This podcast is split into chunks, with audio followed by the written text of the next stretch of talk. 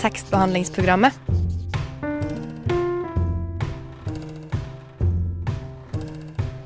Tekstbehandling på radio.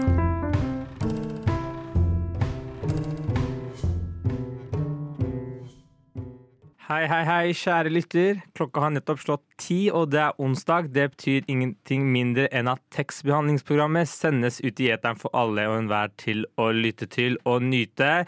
Radio Novas litterære alibi skal i dag ta oss, for oss selvanskuelsen. In the future, everyone would be world famous for 15 minutes. Det sa kunstkritikeren Andy Warhol på 80-tallet. Med Snapchat, selfie på mobilen og ingenting annet enn reality på TV kan vi kanskje konkludere at dette har blitt en eh, selvoppfylt profeti, eh, og at alle mennesker nå er, er så navlebeskuende at vi, eh, vi vil enten være flue på veggen hos andre, eller iherdig håper om at andre skal se inn hos oss. I det litterære verden er det, denne egotrippen eh, kan denne i den litterære verden kan denne egotypen kalles dagbøker, memoarer og selvbiografier. Det er meg, meg, meg over hele linja. Nei, jeg har ikke behov for å se hva du spiste til middag, Arthur. Eller uh, hvilken byoriginal du møtte på trikken av Karen. Men er dette jaget oppmerksomhet er bare en symptom for samtiden, eller er det her noe evig og universelt? Vi skal ta et lite uh, Har det noe ved seg at vi får innblikk i livet til andre, og, og ved å lese om det, kan vi finne noen gullkorn, trekke noen litterære kvaliteter? Det får vi se. Heng med i dag. Én, to, tre. T-E-K-S-T-B-E-H-A-L-D-L P-R-O-G-A-M Tekstbehandlingsprogrammet på Radio Nova. Hei, hei, kjære lytter. Velkommen tilbake til et CBP på Radio Nova. I studio har du meg, Tayeb. Med Karen. Og meg, Arthur uh, Henriksen. Og i dag skal vi snakke om å se innover og skrive om det i form av dagbøker, memoarer eller selvbiografier. Det er litt ulike Denne varianten kommer i ulike former i um, litteraturens form. Eh, men eh, er dere enig i den analysen jeg kjørte i dag tidlig, at eh, dette med det menneskelige behov, da, denne trangen til å dele følelser, er det noe som er bærende og universelt ved mennesket, eller er det noe som tilhører på en måte den moderne varemerkebyggingen og det egosentristiske posterioder? Arthur, hva tenker du? Jeg, jeg, ble jo egentlig litt støtt av at du ikke hadde lyst til å høre hva jeg spiste i middag hver dag. Ikke... Altså, hva, Hvorfor vil du ikke det? Hvorfor vil ikke du høre at jeg har spist pad thai, som jeg har laga selv? Ja, nei, og de greiene syns jeg var helt unødvendig. jeg beklager. jeg må For ordens skyld så brukte jeg navnet deres som å illustrere et såkalt poeng. Ja. Men, eh, men, jeg skal være ærlig og innrømme, jeg har Et såkalt jeg har, poeng. har, jeg har jeg er veldig lite overens med å få inn masse bilder av folk, og folk skal dele den egentlig litt ubetydelige hverdagen sin med meg. Som for eksempel oss. Ah, 'Jeg spiser taco, jeg, jeg har det gøy her', mens jeg ser på middagsbordet hvor det ligger eh, ingen og en eh, saltbørse og en eh, pepperbørse. Eh, jeg har null interesse av å få innblikk i mine venners liv, egentlig. Det er litt paradoksalt, fordi på den annen side så er jeg veldig glad i å lese selvbiografier, da. Men hva synes dere om sjangeren? Nei, hvorfor skal jeg bry meg om kjendiser? altså, de har, de, har, de har, syke historier. Men det har jo alle. Har ikke alle syke historier? Altså, hvorfor skal vi Og jeg tenker ikke at det her er en sånn derre og en sånn nyutvikling i tiden. Det er pga. TikTok at det her skjer, og pga. telefonen så har vi blitt så egosent. Nei, det snakkepoenget der er jeg ikke helt med på, men sånn Hvorfor skal vi idolisere andre mennesker sine liv? Skal vi ikke lage våre egne liv istedenfor? Jeg vet ikke, hva vi, vi, skal lage våre egne liv, men hvorfor ikke dyrke våre egne historier? Hvorfor må vi idolisere folk som allerede er anerkjente? Altså, jeg syns det er én ting å liksom lage en, skrive en, helt, en sånn hel bok om seg sjøl. Men så er det en annen ting å liksom vlogge. sånn, Jeg kan gjerne sitte og høre på eller se på en privatstory, liksom, men jeg skal bare lese en bok om en person. Det vet jeg ikke helt om jeg eh, om jeg orker. Men, men der er, altså det, jeg vet ikke, der er liksom en form for jeg er sånn, Du må være ganske nesten litt sånn selv opptatt på et vis. Til å liksom kunne skrive en hel bok om deg sjøl. Men på, et annet, på en annen side så er det veldig hyggelig å liksom kunne I don't know um, På en måte få et innblikk i andre mennesker sitt liv. Og liksom Mm. forstå Jeg skjønner, jeg skjønner poeng, begge deres eh, poeng. Og det er litt sånn forskjell da, på disse tre på en måte, måtene å skrive om livet sitt på. da. Eh, Fordi det mest på en måte, kommersielle kan man si, er jo selvbiografier, for da har man på en måte med intensjon skrevet en bok om sitt liv for å på en måte publisere den. da. Eh, mens på en måte, dagbøker og memoarer er, har en litt annen litt særstilling, fordi dagbøker er kanskje mer det vi selv gjør. med Eh, ofte har folk vane til det, og ofte blir det, blir det publisert da, fordi folk har opplevd interessante ting eller har noe å melde. Og memoarer er på en måte dagbøker med litt mer uformelt igjen, hvor man kanskje skriver eh, litt ujevnt eh, gjennom en periode.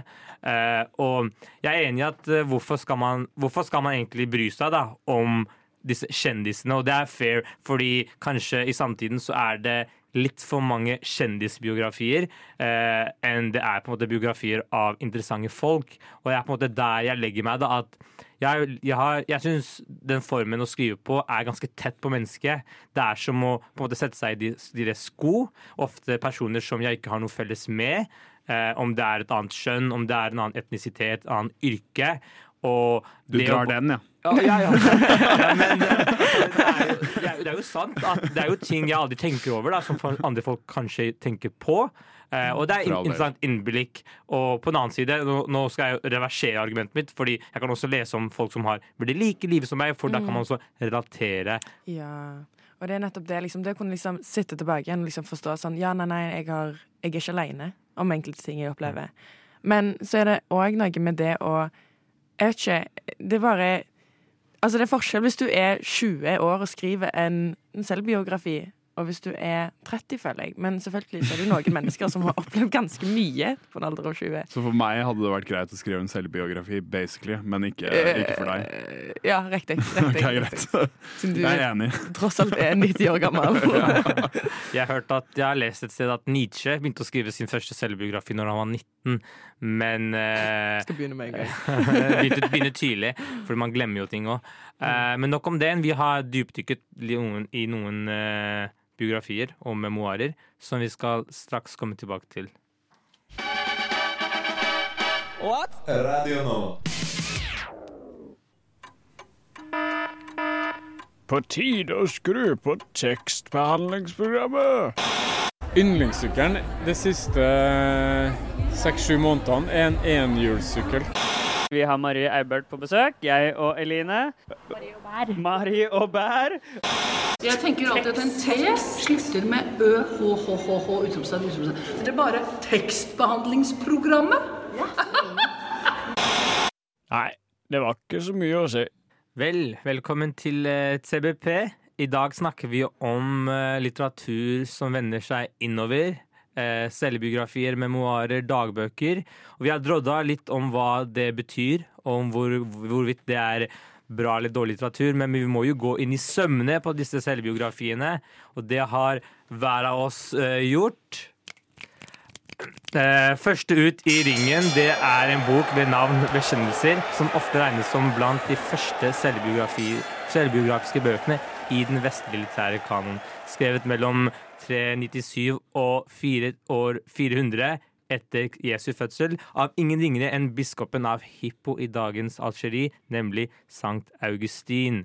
Denne herren levde et veldig interessant liv. Denne herren regnes som i dag som de store kirkefedrene innenfor den katolske kirken og har hatt stor innflytelse innenfor både teologi og filosofi. Han var svært produktiv i sin tid og skrev langt og lenge om religiøse spørsmål, så man kan si han har fortjent sin plass. Men det som gjør livet til Augustin veldig interessant, er at Augustin gjorde den bragden av å konvertere til kristendommen i en voksen alder, i en tid hvor dette ikke var en selvfølge. Litt cheeky, spør du meg. Når man blir lei av å ligge rundt, skal man eh, gjøre fred med Gud. Eh, men uansett eh, Det tidligere livet til Augustin det tærer på samvittigheten hans, lenge, og han velger derfor å legge ut om alt han har gjort, alt det dumme han har gjort som ung i boken Bekjennelser. Og det er noe og det er noe med en godt voksen mann, godt voksen religiøs mann, går og angrer på det ene eller andre eh, som han gjorde når han var ung. Eh, og denne boka, Arthur, den har du plukket og lest om alt det syndige Det er jo du som har plukket den for meg, egentlig. Jeg følte Var det noe eh, Arthur tenkte i sin, i sin bokhylle, var å lese om Augustin og bekjennelser. Hva tenker du? Hva jeg tenker om, eh, den, eh, om bekjennelser. Ja. Føler du deg ny? Om jeg føler meg ny. Ren og Eh, Ren og pur. Ren og pur? Nei. Nei. uh, jeg, nei, jeg føler jo at han har blitt en sjuk køkk, da. For at han driver og bare erkjenner syndene sine hele tiden. Da. Nei. nei da. Uh, den les Altså, grunnen til at den bekjennelser er Eller confessions, da. Jeg har lest den på engelsk. Uh, er spesiell, er jo fordi at den er eh, den første boka i sin kategori, kan man si. Så um, det er, Men det, jeg føler jeg har lest lignende ting ofte før, for at det er sånn typisk eh, kristen sånn derre Å, jeg syndet, og nå Jeg var så uten Gud, og jeg så ikke lyset, og alt sånn her. Og så går man på en måte gjennom reisen hans til å finne Gud, da. Poetisk. Hm? Poetisk. Ja, det, han, men han, jeg syns han skriver eh, veldig pent. Mm. Um, han har et sånn her eh, sitat på side 33 uh, hvor han snakker om det her med å uh, ikke, ikke se lys til Gud. Så han skriver Ja, I had my back to the light, and my face was turned towards the things which it illumined, so that my eyes, by which I saw the things which stood in the light, were themselves in darkness. Så han, han, ja, så han snakker liksom at han ser Han ser noe, han ser noe av liksom sannheten til Gud, men han, han skjønner ikke på en måte naturen av den. Og, eller sånn um, Og det er interessant. Um, Men eh, liksom, stille, liksom, kan du gå liksom konkret i det han skriver om? En ting er å snakke om sånne religiøse ting, og da blir det veldig sånn abstrakt. Sånn Aha. lys og mørke og eh, synd og syndefall og, og eh, Men eh, konkret, da, når, i hans egen samtid, er det noe han som beskriver eh, og Som syndig? måte- Som, ja, som syndig, og som på en måte er liksom mer konkret? hans, eh, da han var ung, så prater han jo om hvordan han lysta veldig mye. Hvordan han hadde mye lyst, og at han stjal Han var med noen venner av seg og stjal en pære. Han var på pæreslang og stjal pærer med vennene sine. For en grusom, grusom mann. Jeg vet, men han, grunnen til at han sier det, at det var så grusomt, var jo at han egentlig hadde masse pærer selv. Så han stjal på en måte på grunn av at han var med andre som stjal. Men så prater han også om sex utenfor ekteskapet. At han, han har også en eh, Når han blir forlova med ei som er eh, to år yngre enn det hun egentlig skal være for å innvie ekteskapet, så tar han, så tar han opp en sidechick. Oh, ja. Så han har en sidechick. Jeg trodde jeg skulle- jeg trodde jeg skulle ende et annet sted. Nei, nei, det er ikke Det var ikke dit du drømte deg bort, Tayeb. Men, men, men eh, noe som også, hva kan man si, eh, sto veldig fast for meg, var at han har i boka et veldig nært forhold til moren sin. Og, følte, og faren hans var veldig fraværende og døde da han var ganske ung, og han var ikke Mm. kristen. Så jeg føler at uh, uh, noe som var veldig eh, tydelig i den boka her, var at på en måte Gud blir farsfiguren hans, og moren fungerer nesten som en helgen for han igjen, for at hun driver og ber for han. Og jeg tenkte jeg kunne, eh, bare for å avslutte her, bare lese eh, et sitat om hvordan hun eh, på en måte ber for han.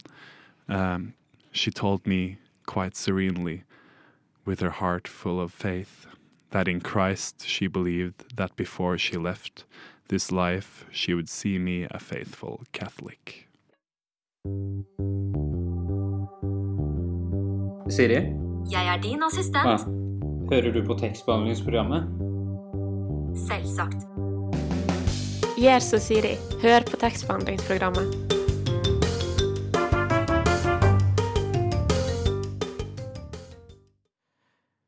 Vi har nettopp hørt om rampestrekene til godeste Sankt Augustin, biskop Sankt Augustin av Hippo.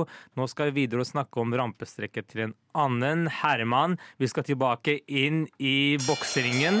Og på andre siden av, eh, av andre, I andre hjørne har vi en herremann som kanskje er mer kjent for sine hornbriller og kompris, kom, kompromissløse holdning til livet. Utover, det, utover dette er alltid folk så bastante på å påpeke hvor utrolig stygg han var. Kjent kanskje mer for sitt partnerskap med den moderne feminismens mor Simone de Beauvoir enn sin filosofi, kanskje. Sammen dannet de kanskje samtidens mest ikoniske par, på nivå med JF Kennedy og Marilyn Monroe. Men i, til motsetning til Kennedy beholdt Sartre hodet intakt og fikk definere etterkrig, etterkrigstidens filosofi og motkultur. Barn av borgerlige foreldre vokste opp i den turbulente tiden på 20- og 30-tallet. Som krigsfange under andre verdenskrig fikk han se og føle på sin egen kropp hvor utrolig lave nivåer mennesker kan synke ned til. Sarts filosofiske prosjekt ble å finne mening i en mening, meningsløs verden, særlig etter andre verdenskrig og holocaust. Filosofien hans handler om, seg, eh, seg, handler om mer enn å finne seg selv, slik det kanskje har blitt i dag, tolket av filosofi- og litteraturstudenter. Han, left, han leflet med litt av hvert. Litt feminisme, litt marxisme og litt pedofili, kanskje. Apropos pedofili, Karen. Du har jo lest eh, selvbiografien hans. Ja, eh, som heter Ordene på norsk, Mm. Words på engelsk, Le Mot eller noe sånt på fransk. Jeg kan ikke fransk. Hva har du lest, og hvilken budskap kan du medbringe oss fra hans liv? Åh, det er så gode spørsmål, fordi eh, jeg syns, når jeg leste den boken, at det var ufattelig mye synsing. Det var snakke om hverandre og uten om hverandre. Det var ingen, det var ingen Ingenting så veldig produktivt, men han var veldig flink til å på en måte opphøye seg sjøl. Den skal han ha. Han blant annet skriver at han eh, Han skriver liksom om liksom det å gi ordre, sant? Og det er en av de første tingene jeg leser. Jeg bare legger merke til dette med en gang. Eh, fordi han skriver Even the most authoritarian give, gives order in someone else's name. Some holy parasite. His father. Eh, og så skriver han videre I have never in my life given an order without laughing or making others laugh. The fact is that I am not eaten up by the canker of power. I have not been taught obedience. Oi. Det er noe med det å Fuck, si fuck yeah! Ja, Likte altså, du det? han- Ja, altså, jeg digger det der. Han er bare det beste mennesket på denne jord, og bare veldig opphøyd. Og det syns jeg var litt sånn Veldig, veldig arrogant fyr, Ja, følte jeg jeg. digger det der, ass. Ja, ja, I ja, have not been taught obedience. det er jo herlig. Det var, ja, nei, det er, noe, det er noe litt grimt med det. Og han skriver jo veldig mye om familien sin, men òg ingenting om familien sin. Så blant annet nevner han flere ganger at hans far har dødd. Og at eh, han liksom jeg husker, ikke, jeg husker ikke helt hvor, hva det var for noe, for det glemte jeg faktisk å skrive. Eller Ja, skrive ned. fordi faren til Sart døde jo når han fortsatt var barn, tror jeg. Ja. Så, så han ja. hadde en sånn farsfigur i livet. Kanskje på lik linje med Sankt Sankt Augustin av flodhest. Han skriver òg uh, I was lucky to belong to a dead man. A dead man had poured out a few drops of sperm, which are the normal price of a child. Det er litt, poetisk. Jeg syns ikke det er men jeg er litt, eh, litt eh, hva skal jeg si, biased, fordi jeg er jo veldig glad i Sperm. Sartre. Og sperr. Jeg deler ut ved enhver anledning jeg får. Eh, Så det er bare å kontakte meg hvis dere har Nei, ikke gjør det. Eh, Men eh, mitt poeng var jo at det med å være Det der med mm, obedience, da, fordi jeg tror det tilhører veldig, veldig mye av hans karakter. da. Jeg har også lest at han i senere eh, eh, senere i livet sitt i sluttet å redigere bøkene sine, for eksempel, fordi han, ble, eh, han følte at det var en sånn bourgeois-ting å gjøre. Og at han på en måte bryter med alle på en måte former for, eh, for, for regler da, i livet. For det er jo ofte det jeg, altså det var det jeg kjente veldig mye på når jeg leste denne teksten. var ofte det at det, det Istedenfor å virke som en totalt sammensatt tekst, så er det bare mer et tankereferat. Han bare skriver det han tenker på. Og det er ganske mange skriveleifer her og der. Jeg tror ikke Det altså det er jo på engelsk, da, så jeg tror ikke det har noe med han å gjøre, men uh, allikevel. Det er noe jeg føler òg når jeg har lest andre ting av eh, Sartre, og det er liksom at han alt føles som et tankevirvar ofte. Det er ikke så veldig mye progresjon, og det er veldig sånn der, eh, man blir veldig lost i hele den der eh, tankesyklusen hans. Så man, det er som en sånn orkan av tanker man bare blir fanga i. Mm. Som, er, kan, som er veldig krevende, men som òg kan være Mm. veldig fett. Det er kanskje liksom i andre enden av den vi snakker om selvbiografier, at man har liksom den kjendis-selvbiografien som bare er overflate. Ja. Så har man liksom filosofene og forfatterne som skriver selvbiografier, hvor det bare er dybde, da, og veldig Ah. vanskelig å komme inn i. Hallo, mitt navn er Knut Nærum, og du hører på tekstbehandlingsprogrammet. Jeg går i hvert fall ut fra at du gjør det. Det gjør du, vet du. Du hører på tekstbehandlingsprogrammet, og i studio har vi Arthur. Ja. Og så har vi Karen. Hei, hei. Så har du meg, Tayeb, og vi har snakket en del om eh, selvbiografier. Eh, folk som legger ut om seg selv og sitt liv til andre, alle andres fornøyelse, eller ikke helt ettersom. Men jeg tror folk har skjønt, lytterne har skjønt at jeg i hvert fall er særlig glad i denne sjangeren. Denne sjangeren har en skjær plass i både mitt hjerte og mine bokhyller. Men det er en bestemt yrkesgruppe som har fascinert meg og irritert meg fordi de lirer av seg selvbiografier oftere enn Arthur er på Tinder-date. Um, I Norge i hvert fall. Eh, I Norge i hvert fall, fordi jeg har inntrykk av at de leverer en ny Det kommer i hvert fall en ny selvbiografi eh, av en politiker nesten annenhver uke. Det har jeg inntrykk av. Av politikere som gjerne er på vei ut av offentligheten. Eh, og de har et gryende behov for å vise enten sin utrolige klassereise inn i politikken, som ingen skulle tro var mulig i det sosialdemokratiske Norge. Eller, eller så skal de komme Eller så skal de sette på plass meningsmotstandere eh, ha siste ord i en debatt som ingen bryr seg om lenger. Eh, og, eh, og overhodet ikke de som leser selvbiografier. Ellers så skal de ha en sånn reflekterende inngang av eh, pensjonerte karrierepolitikere som skal som har sittet på Stortinget lenger enn TBP har funnet uh, uh, har vært et uh, TV-program. Nei, radioprogram. Og, eh, og aldri hatt en uavhengig tanke hele sitt liv og fulgt partilinja hele livet. Ja, sånne mennesker har et så iherdig behov om å fortelle sin historie som ingen spurte om, og de fleste av disse bøkene forblir jo selvfølgelig døgnfluer. Det er Derfor er det litt paradoksalt at jeg derfor har lyst til å lansere en liten uoffisiell bokklubb for nettopp å lese disse selvbiografiene. Både for å lære noe, få med meg litt ju- juicy gossip, og om det faktisk holder eh, den litterære kvaliteten holder mål. Eh, Planen er da hovedsakelig å lese én selvbiografi i måneden. Eh, Vi starter fra nå av.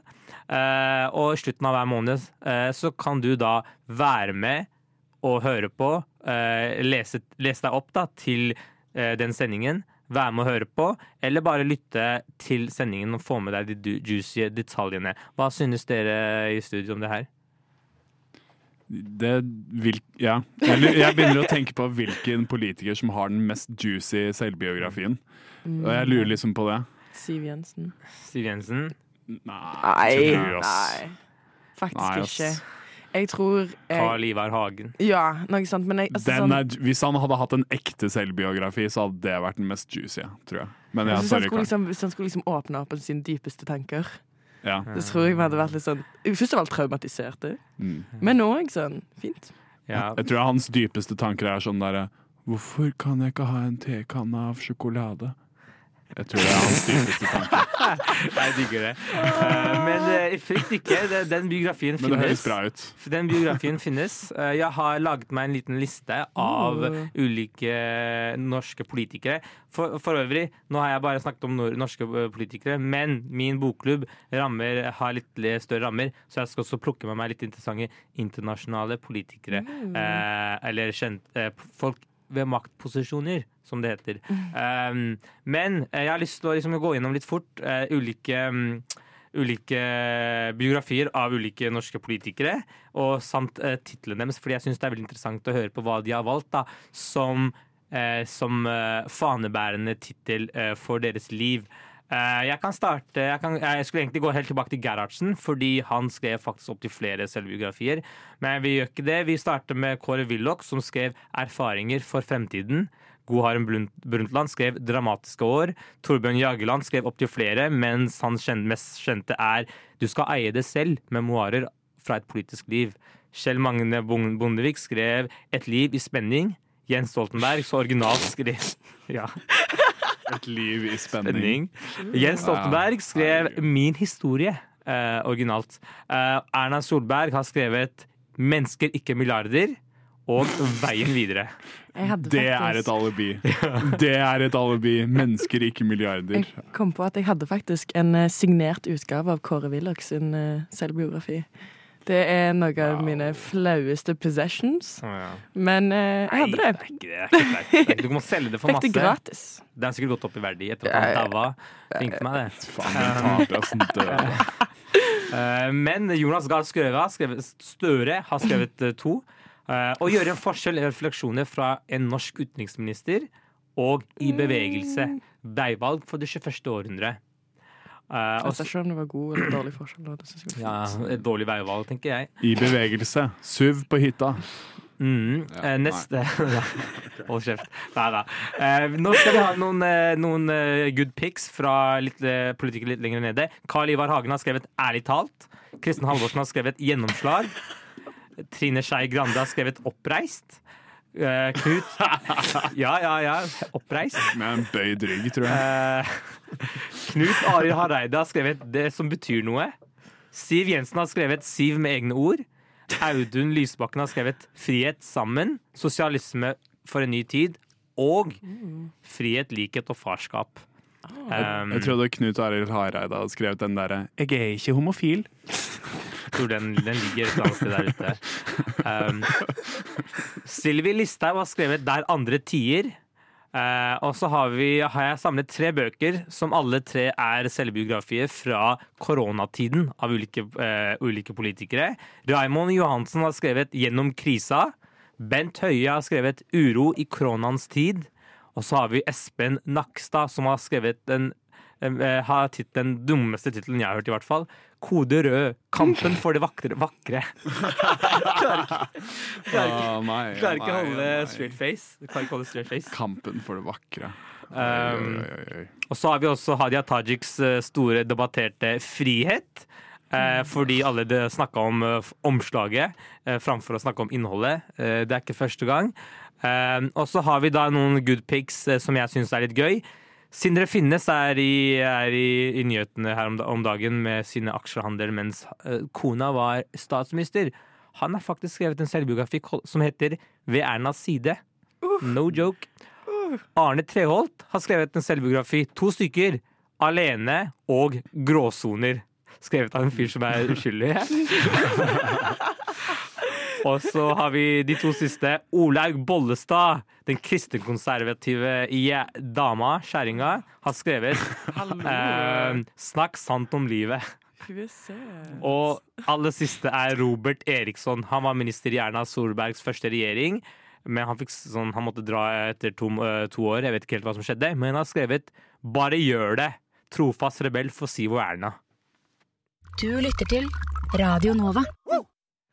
Yes, det gjør det, vet du. Eh, velkommen tilbake til studio. Vi har, jeg har nettopp ramst opp en hel liste med selvbiografier av norske politikere. Og frykt ikke hvis du faktisk har lyst til å være med på min nylanserte eh, bokklubb. eh, Så skal vi ikke lese noen av de jeg nettopp nevnte, fordi det blir litt for smalt og litt for kjedelig. Eh, Men jeg håper du der ute lytter har lyst til å bli med på min reise fram mot jul, i hvert fall, hvor vi skal lese i hvert fall én selvbiografi, politisk selvbiografi sådan, eh, fra verden, og vurdere den etter både juicy details Mm. om eh, både privatlivet og i livet i maktens korridorer, men også av det litterære kvalitet. Og Derfor har jeg også lyst til å lansere første bok i denne dansen. Det er en bok av ingen ringere enn den første demokratiske valgte presidenten i Sør-Afrika, nemlig Nelson Mandela. Det er en murstein av en bok, men dere der ute har en hel måned på å lese det, lese det gjennom. Eller bare kom og lytt til oss om en måned, for da skal jeg i hvert fall snakke om den. Den heter Long Walk to Freedom. eh, Og er skrevet da og gitt ut i 1994, ganske, ganske fort etter at han- tiltro som president. Jeg vil også legge til at det er en til selvbiografi som er ganske nær eh, eh, har en ganske nær em, link til Nelson Mandela, og det er selvbiografien til eh, Wilhelm de Klerk. Eh, og han var da president i Sør-Afrika før Nelson Mandela. Så han som på en måte åpnet opp Sør-Afrika, men også har kanskje litt skyld i apartheid- apartheid-regimet der. Den heter rett og slett The Last Track, A New Beginning. Autobiography av William de Klerk. Så disse to skal være på lista mi, i hvert fall. Wilhelm. Wilhelm, ja. Sorry. Um, eh, disse to skal jeg i hvert fall lese i ok oktober. Uh, bli med på den reisen. Hvis ikke, vi ses om en måned. Men nå har jeg lyst til å stille dere et stort spørsmål, de i studio. Um, Fuck yeah! Siden jeg har snakket mye om selvbiografier og biografier som er der ute. Mm. Men hvilken selvbiografier eller memoarer eller dagbøker vil dere titte inn i? Hvilket liv vil dere kikke inn i eh, av kjente folk der ute? Eller kanskje naboen din, men eh, det er litt uinteressant for oss, da. Så Mm. Karen, har du, har du noen pics? Jeg tenkte nettopp på det at eh, jeg tror det å liksom lese eh, noe fra de som har stått nærme Trump, hadde vært superinteressant, bare fordi det virker som en interessant ting å liksom få med seg. Mm. Men òg jævlig gørr kjedelig.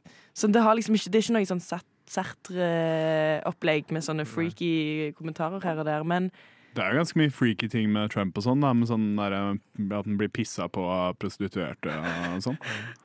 ja, ja. Never mind!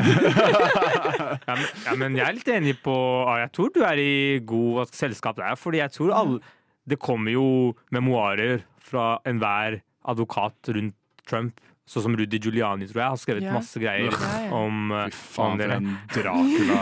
ja, ja. Men han er en karakter, menneske, ass. Underholdningsverdien hans. Forferdelig menneske. Han er en skjønnass. Ja, fy faen. Nei, Men, vet, eh, hvis jeg skulle valgt noen, Ja, så tenkte jeg sånn Petter Northug. Fordi at okay. eh, Fordi coke fordi faen, han har gitt meg noen av de beste sportsminnene noensinne. Um, Tittel 'Min snø'. Ja. I løypa. Jeg tror, du, jeg tror du også er i god selskap der, Arthur, for den boka finnes. Han har skrevet skrevet opptil flere. Eh, så, så um, Men problemet er da er at han kommer til å være sånn derre Å ja, jeg var på en dårlig path. Jeg var på en dårlig Nei, faen, jeg klarer ikke trønder. Men han, han var på en dårlig vei, og derfor tok han kokain. Det var ikke så at han liksom kunne gjøre det og bare ha det lættis med det. Liksom. Han må liksom Han må synde. Han må, Ja, Det må ja. være skyld. Folk må ta litt mer fra Sankt Augustin og Sart. At man må være litt ærlig med det man har gjort, og være, stå for det man har gjort også i Sånn. Slutt å bygge varemerker. Vær deg selv. Ja, Skriv om det du har faktisk gjort, og ei det. You have bewitched me, body and soul, and I love, I love, I love. Tekstbehandlingsprogrammet på Radio Nova. Så nå har vi Nå har i hvert fall dere to uh, eh, utlyst ønske om hvilken biografier dere har lyst til å lese. Og dere er, som jeg sa, dere er veldig heldige, i hvert fall du, Karen. For du hadde lyst til å lese noen eh, ganske nærme Trump. Ja. Og jeg har funnet opptil elleve bøker eh, skrevet eh, fra innsiden av The White House under the Trump presidency. Eh, bare for å ramse opp noen av dem. Du har Disloyal, A Memoir, The True Story of the Former Personal Attorney of President Trump. Eh, og så har du også eh, Melania and Me, The Rise and Fall of My Friendship with the First Lady. Så det, er sånn goss, det, er, det er gossip Åh, deluxe. hvem som skrev den? Eh, det er en venninne av, eh, av hun der um, Bestevenninna til eh, dama til Trump, da. Tredje kona. Og så har man også Anthony Scaramucci, som var presses, pressesekretæren til Trump i sånn to måneder. Han har skrevet 'Trump The Blue color President. Faen bullshit. Uh, det er eh, mange flere enn det. Trump's a Eh, good blue collar president. He is, I gotta tell you. Og til deg, Arthur, har jeg to bøker. Du har min historie av Petter Northug. Rett og slett eh, hans historie, tro det eller ei. Og så har du også en annen som heter Viljeskalle. En treningshistorie av Petter Northug. Du har ikke noe Jeg vet ikke hvor mye kokain det er i de, for de har skrevet i 2018. Den siste, i hvert fall. Jeg vet ikke når han du- hadde sitt store løp. Kan, kanskje jeg kan merke liksom, påvirkningen av kokain på biblio... Skjønner du hva jeg mener? Sånn at, jeg, ja, at den liksom At uh, skyggen av kokain er der, selv om eh, ikke kroppen. Ja, Utrolig ufullstendige setninger og Det var rablende tanker. Men jeg har lyst til å stille det et siste spørsmål. Er Hvis dere skulle skrevet en selvbiografi, hva ville ha, dere ha kalt den? Ville det gått for noe lame som 'Min historie', uh, 'Min side av saken'? Eller hadde det gått for noe spicy? Arthur, kjør. Uh, min selvbiografi heter 'Golf, fitte og Ritalin'. Hva jeg aldri fikk. Hei, hei. Um, Frisbeegolf, onanering og Og kaffe. Hva med deg da, Karen? Um, eh, en sertifisert En sertifisert tøysejentes historie, tror jeg. Jeg tror min skulle vært uh, Sex, Sarth and Socialism. Uh, Hva? SS. SSS. SSS. Uh-oh. Men det er nok om det. Uh, Jeg tror, vi, vi er, jeg tror ikke vi er vet, vi er ved veiens ende. Og det siste jeg vil si, er da takk for at du har lyttet, kjære lytter. eh, Og eh, dratt deg gjennom vår dypdykk inn i selvbiografiens verden. Eh, Hvor er det du kan høre oss hvis du har lyst til å høre oss igjen, Arthur? Eh, Du kan høre oss på Radio Nova fra 10 til 11 på onsdager, altså akkurat nå, og hvor enn du hører podkast og Spotify, på Spotify og sånn. Spotify. Yes. Takk for oss. Det var meg, Tayeb, Eh, Eh, meg, Arthur Henriksen. Karen Nitsayo Velstad-Knitsen. Og Kvam på teknikk. Vi mm. ses om en uke. Ha det bra! Ha det.